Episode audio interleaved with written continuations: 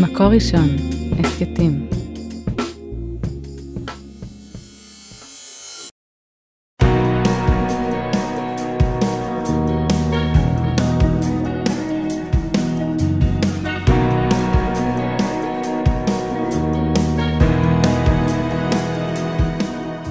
שלום הרבנית שירה מרילי מירביס. שלום הרבנית חמוטל שובל. שבת חול המועד.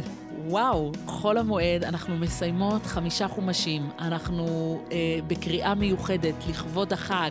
לכבוד שבת החג. לכבוד שבת, כן, מיוחד נורא, הכל כאן. ואיפה, וזאת הברכה, אה, שכולם שואלים.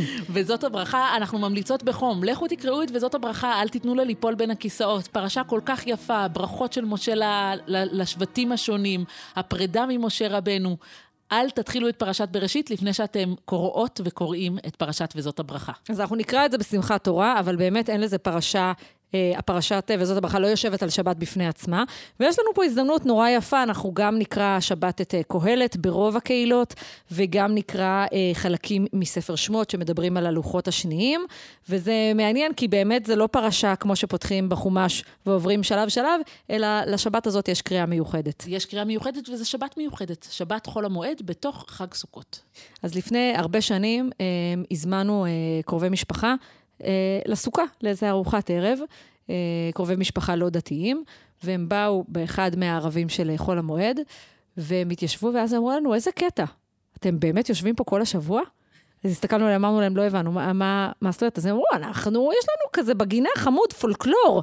אנחנו עושים לילדים בשביל שיהיה תחושה. שזה מקסים שיש להם את זה בכלל, שהם טורחים. כן, אבל אנחנו, היה לנו, היה לנו בתוך אותה סוכה, היה ספה. אז אמרו, אתם ממש הוצאתם ספה החוצה? אתם באמת פה? כאילו, הם אמרו, אנחנו עושים פה קידוש. והולכים הביתה לאכול במזגן. והם אמרו, אנחנו לא, הם ממש, היה להם קשה נורא לתפוס את זה, ואז הם ראו את המזרונים, בכלל הם התעלפו, אמרו, אתם ישנים פה גם? אז אמרתי להם, כן, מי שלא סובל מהיתושים הוא גם ישן פה, והם ממש התקשו להבין איך שבוע יושבים בסוכה, כשחם, חם, כשמטפטף, מטפטף. ממש מעבירים את מרכז החיים. מוציאים את הכל החוצה. הם לא הבינו ש, שיש אנשים שבאמת לא עושים את זה בשביל החוויה, אלא באמת יושבים בסוכה. ו, וזה, וזה מאוד מעניין, כי המון אנשים בונים סוכה, חלק ממש נמצאים בחלק, את יודעת, פה ושם. אמ, והשאלה המאוד מעניינת זה למה קוראים את אה, מגילת קהלת. כן, מה, מה הקשר בעצם? כי זה לא, זה לא איזשהו הקשר אינטואיטיבי שאנחנו אומרים, טוב, זה הפסוקים שקוראים בהם על זה שאסור לאכול חמץ, ובני ישראל החמיצו את האוכל, אז ברור שקוראים את זה בפסח. כאילו, לא מדברים פה על קורבן פסח, אין פה איזה משהו שהוא ממש ישיר לסוכות, אז מה הקשר בין סוכות לבין קהלת? הרב דוב ליאור אה, מדבר על הפסוק, הבל הבלים אמר קהלת, הבל הבלים הכל הבל. יש משהו מאוד קשה במגילה הזאת ששלמה המלך אה, כותב את הרעיונות שלו. כבר על ההתחלה, שלמה המלך כן. כאילו אומר לנו, הכל שטויות. הכל שטויות. והרב דוב ליאור אומר, רגע, איך יכול להיות שאדם, גם אם הוא שלמה המלך, אומר על מעשיו, מעשיו של הקדוש ברוך הוא שהכל הבל הבלים? והוא מסביר שבאמת אנחנו יכולים לחיות את החיים שלנו ברמה מאוד שטחית כשהם מנותקים מהקדוש ברוך הוא, ובאמת הכל הבל, ובאמת הכל שטויות. והוא אומר, אפשר לשבת בפרגולה שלנו כל השנה, ואין בזה שום מימד של מצווה. אבל ברגע שאנחנו לוקחים את החומר, את הפרגולה, את הספות, ומעלים את זה לדרגת מצווה, ואומרים, אני לא יושבת בפרגולה כי נחמד לי. בסוף היום לשבת עם בריזה, אלא אני באמת יושבת שם מתוקף המצווה, זה חלק מעבודת השם, גם אם אני לא כל הזמן במודעות, אבל אני במצווה הזאת כל השבוע, ככה אני מרוממת את החיים שלי מסתם פרגולה לסוכה. אז זה באמת לקחת את ההבל הזה, זאת אומרת, את הגשמיות, את העולם הזה, את הריצה שלנו, הילדים, הבתי ספר, הארוחת צהריים, הכביסה, ולבוא ולהגיד, אני שמה על זה עוד רובד, אני שמה על זה, מטעינה פה עוד משמעות, והמשמעות הזאת זה הקשר שלי כבן אדם פרטי, כשירה עם הקדוש ברוך הוא, והקשר שלי כחלק מעם ישראל עם הקדוש ברוך הוא, ואיך אני מטעינה את המשמעות שלי ואת המציאות שלי, ולא הופכת את זה שהעולם שלי יהיה רק באמת עסוק רק בהבל של העולם הזה. עכשיו, הוא גם מסביר את הפסוק שאומר, אה, דוד המלך בתהילים, כי יצפנני בסוכו ביום רעה. הרי סוכה זה לא מקום בטוח.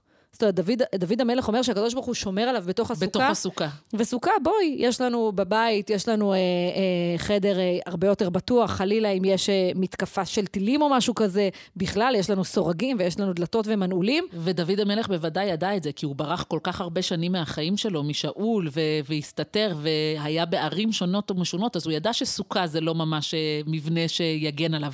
בדיוק, והוא אומר, זה כל הרעיון. כי כשאתה בוטח במנעולים וסורגים ומקלט, זה משהו אחד, אבל כשאתה בוטח בקדוש ברוך הוא, אז גם סוכה יכולה להיות הדבר הכי בטוח בעולם, וזה באמת קונטרה לתחושה אה, הקשה הזאת של הבל הבלים הכל הבל. אומר לנו הרב דוב ליאור, המשמעות שאנחנו נוסחים לחיים שלנו, הופכת גם סוכה למקום מאוד בטוח. אם אנחנו בוחרים לרומם את החיים שלנו מה, מהחומרי אל המקום הגבוה הרוחני יותר. אז באמת אמרנו שהפ... שה... שקהלת, המגילה, מתחילה בהבל הבלים הכל הבל, ואמרנו שישר שלמה המלך אומר שזה הכל שטויות. אבל בעצם אנחנו, אני עשיתי פה עוול, כי אולי השאלה זה, מה בעצם משמעות המילה הבל? הרב זקס, ב... הרב זקס בספר שלו, הוא בעצם אומר שהמשמעות של המילה הבל, שבאנגלית תרגמו את זה בתנ"כים לאנגלית כוונטי. ונטי זה חסר משמעות, ריק, חסר תועלת, חסר טעם, וזה באמת כאילו במשמעות של שטויות, הכל שטויות. אבל אומר הרב זקס, זה בכלל לא המשמעות של המילה הבל. בעברית המילה הבל, אפילו הצורה שבה אנחנו מבטאים אותה בשפתיים, זה הכל מלא אוויר. הבל, זה הנשימה של ההי, אמ, אז כל המילה הזאת היא קשורה לפעולה של הנשימה. אה, אה, וזו התובנה הבסיסית של קהלת, הנשמה, הרוח, כוח החיים, כל זה קשור אה, לתובנה הבסיסית של קהלת, של המילה הבל, שהחיים הם פגיעים, הם שבירים, הם קצרים, זו נשימה חולפת. כל החיים שלנו הם בעצם כמו אחד כן. בעולמו של הקדוש ברוך הוא. הקדוש ברוך הוא, כאילו אנחנו חיים 80-90 שנה במקרה הטוב, זה כמו נשימה אחת, כאילו, באינסוף.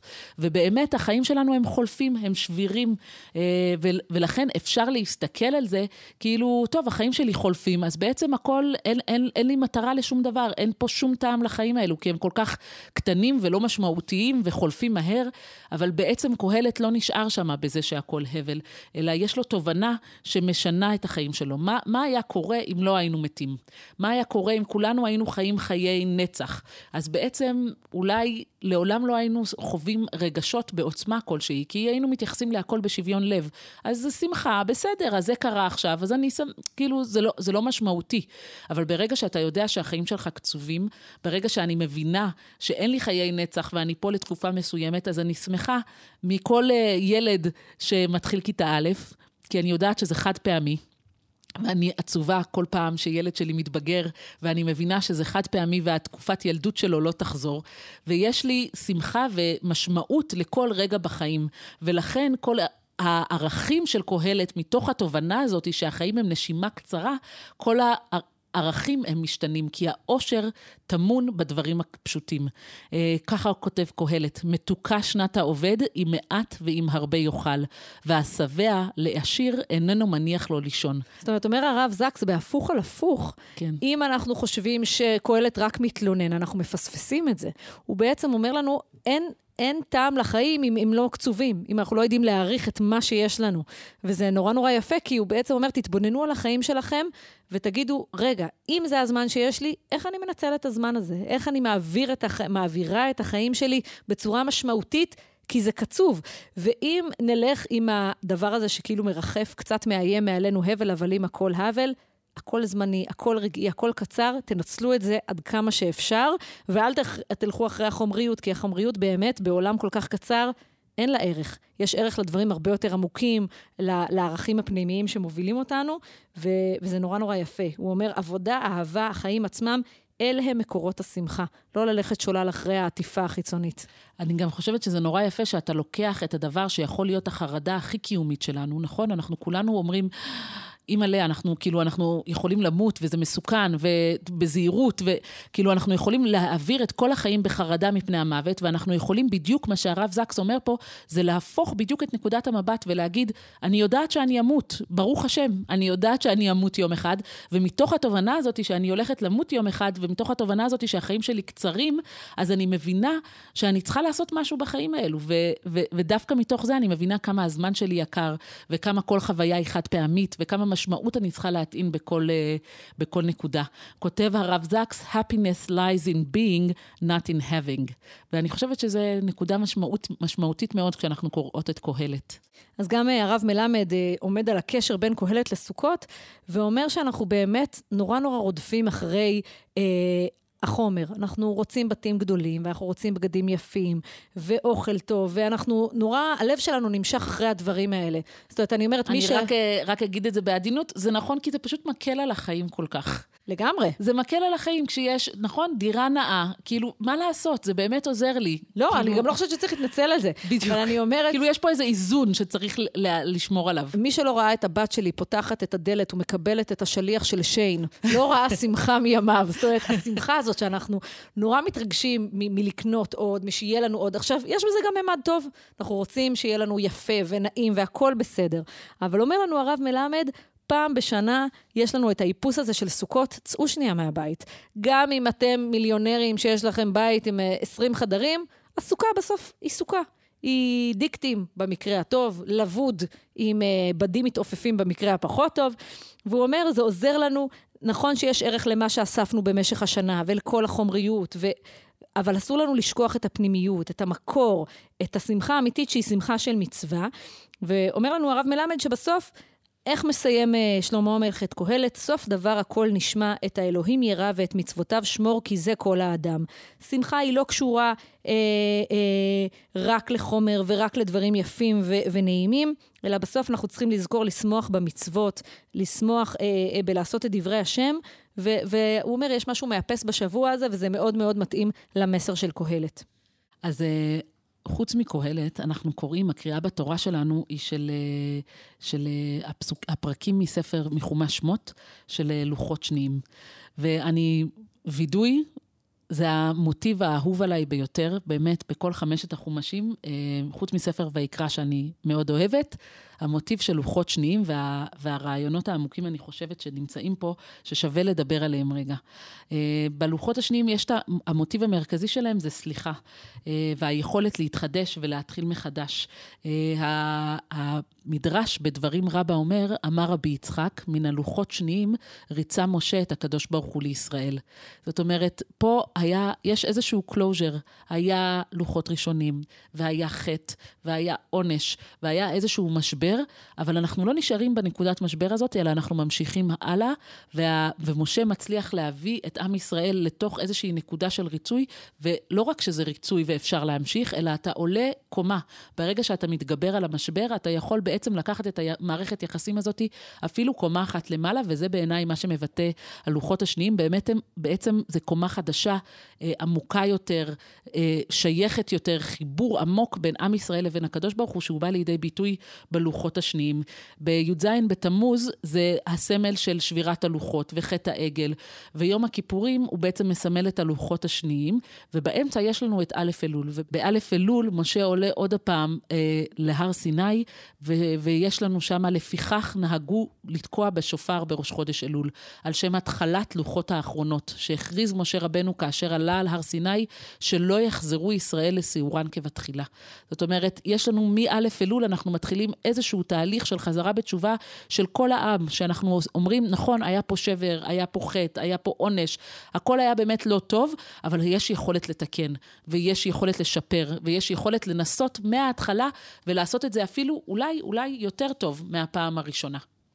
יש לאימא שלי חברה שהיא ובעלה חגגו לפני כמה זמן 40 שנות נישואים. וואו. הם חגגו 40 שנות נישואים והם עשו מסיבה גדולה ברמת ה... אולמי בונבון. בת מצווש? לא, לא, ברמת החתונה, שמלה לבנה, הכל. האמת ו... שאני איתם. רגע, חכי עד סוף הסיפור. ואימא שלי שאלה אותה, מה, את יודעת, זה נחמד, ו-40 שנות נישואים, זה מקסים. את יודעת, אנחנו עושים ערב שירה עם שקופיות בגינה, ואתם עושים אה, קייטרינג. והיא אמרה לה, אה, שכשהם התחתנו, ההורים שלה היו נגד החתונה. וואו. כל מיני סיבות וסיפורים, ההורים שלה היו נגד החתונה, והם ממש היו באופן מאוד מאוד עקבי, והם התחתנו אה, ברבנות.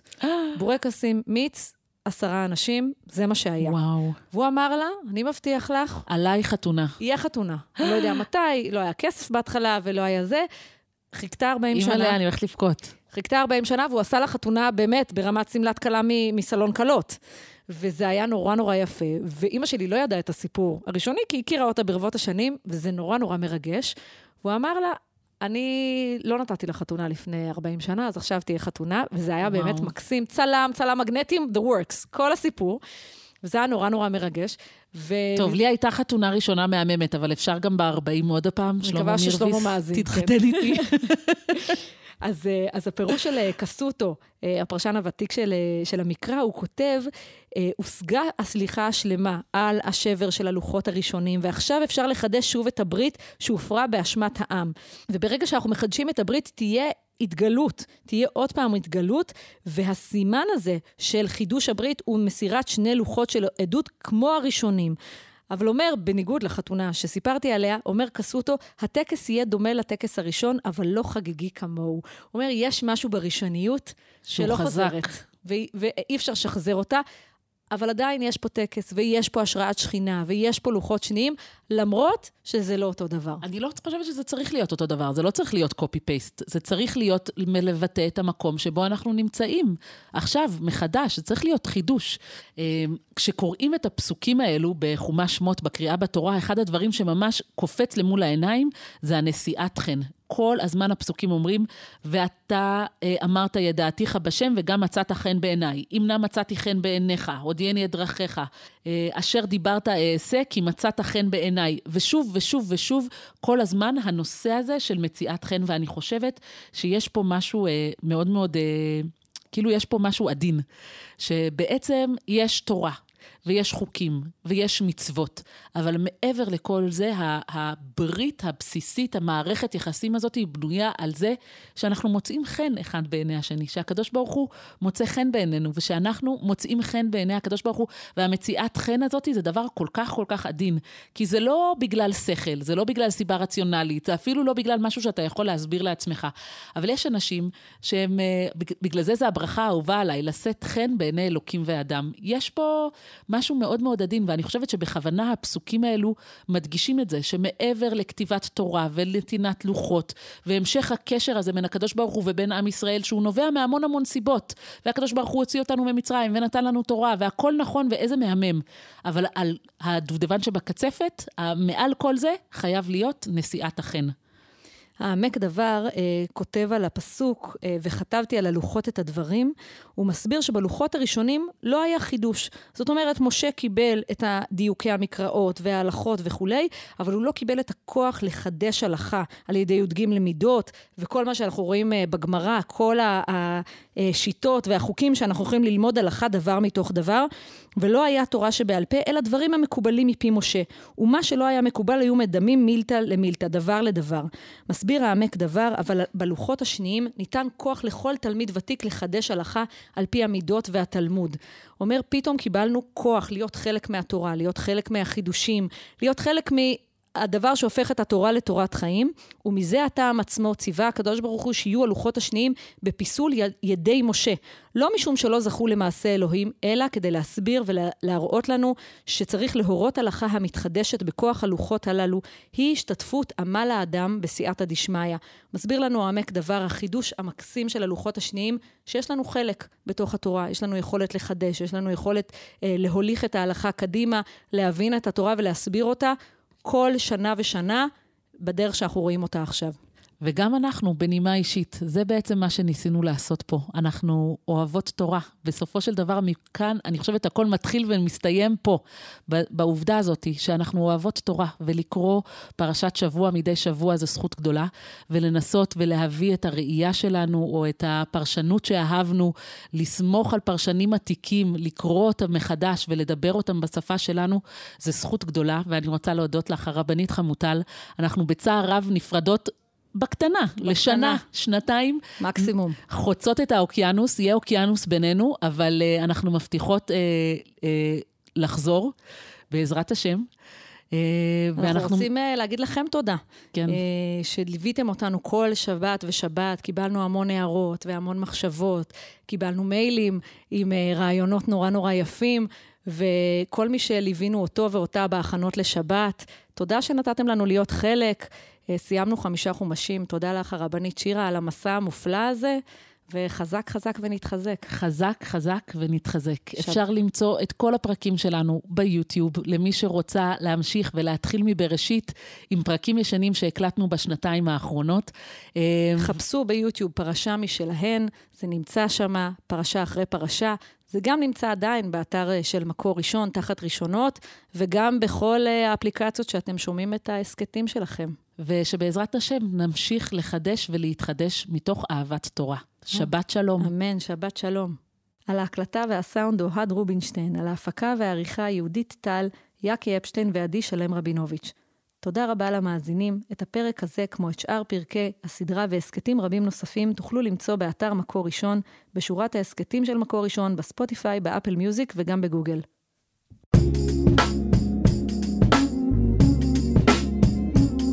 מקור ראשון, הסכתים.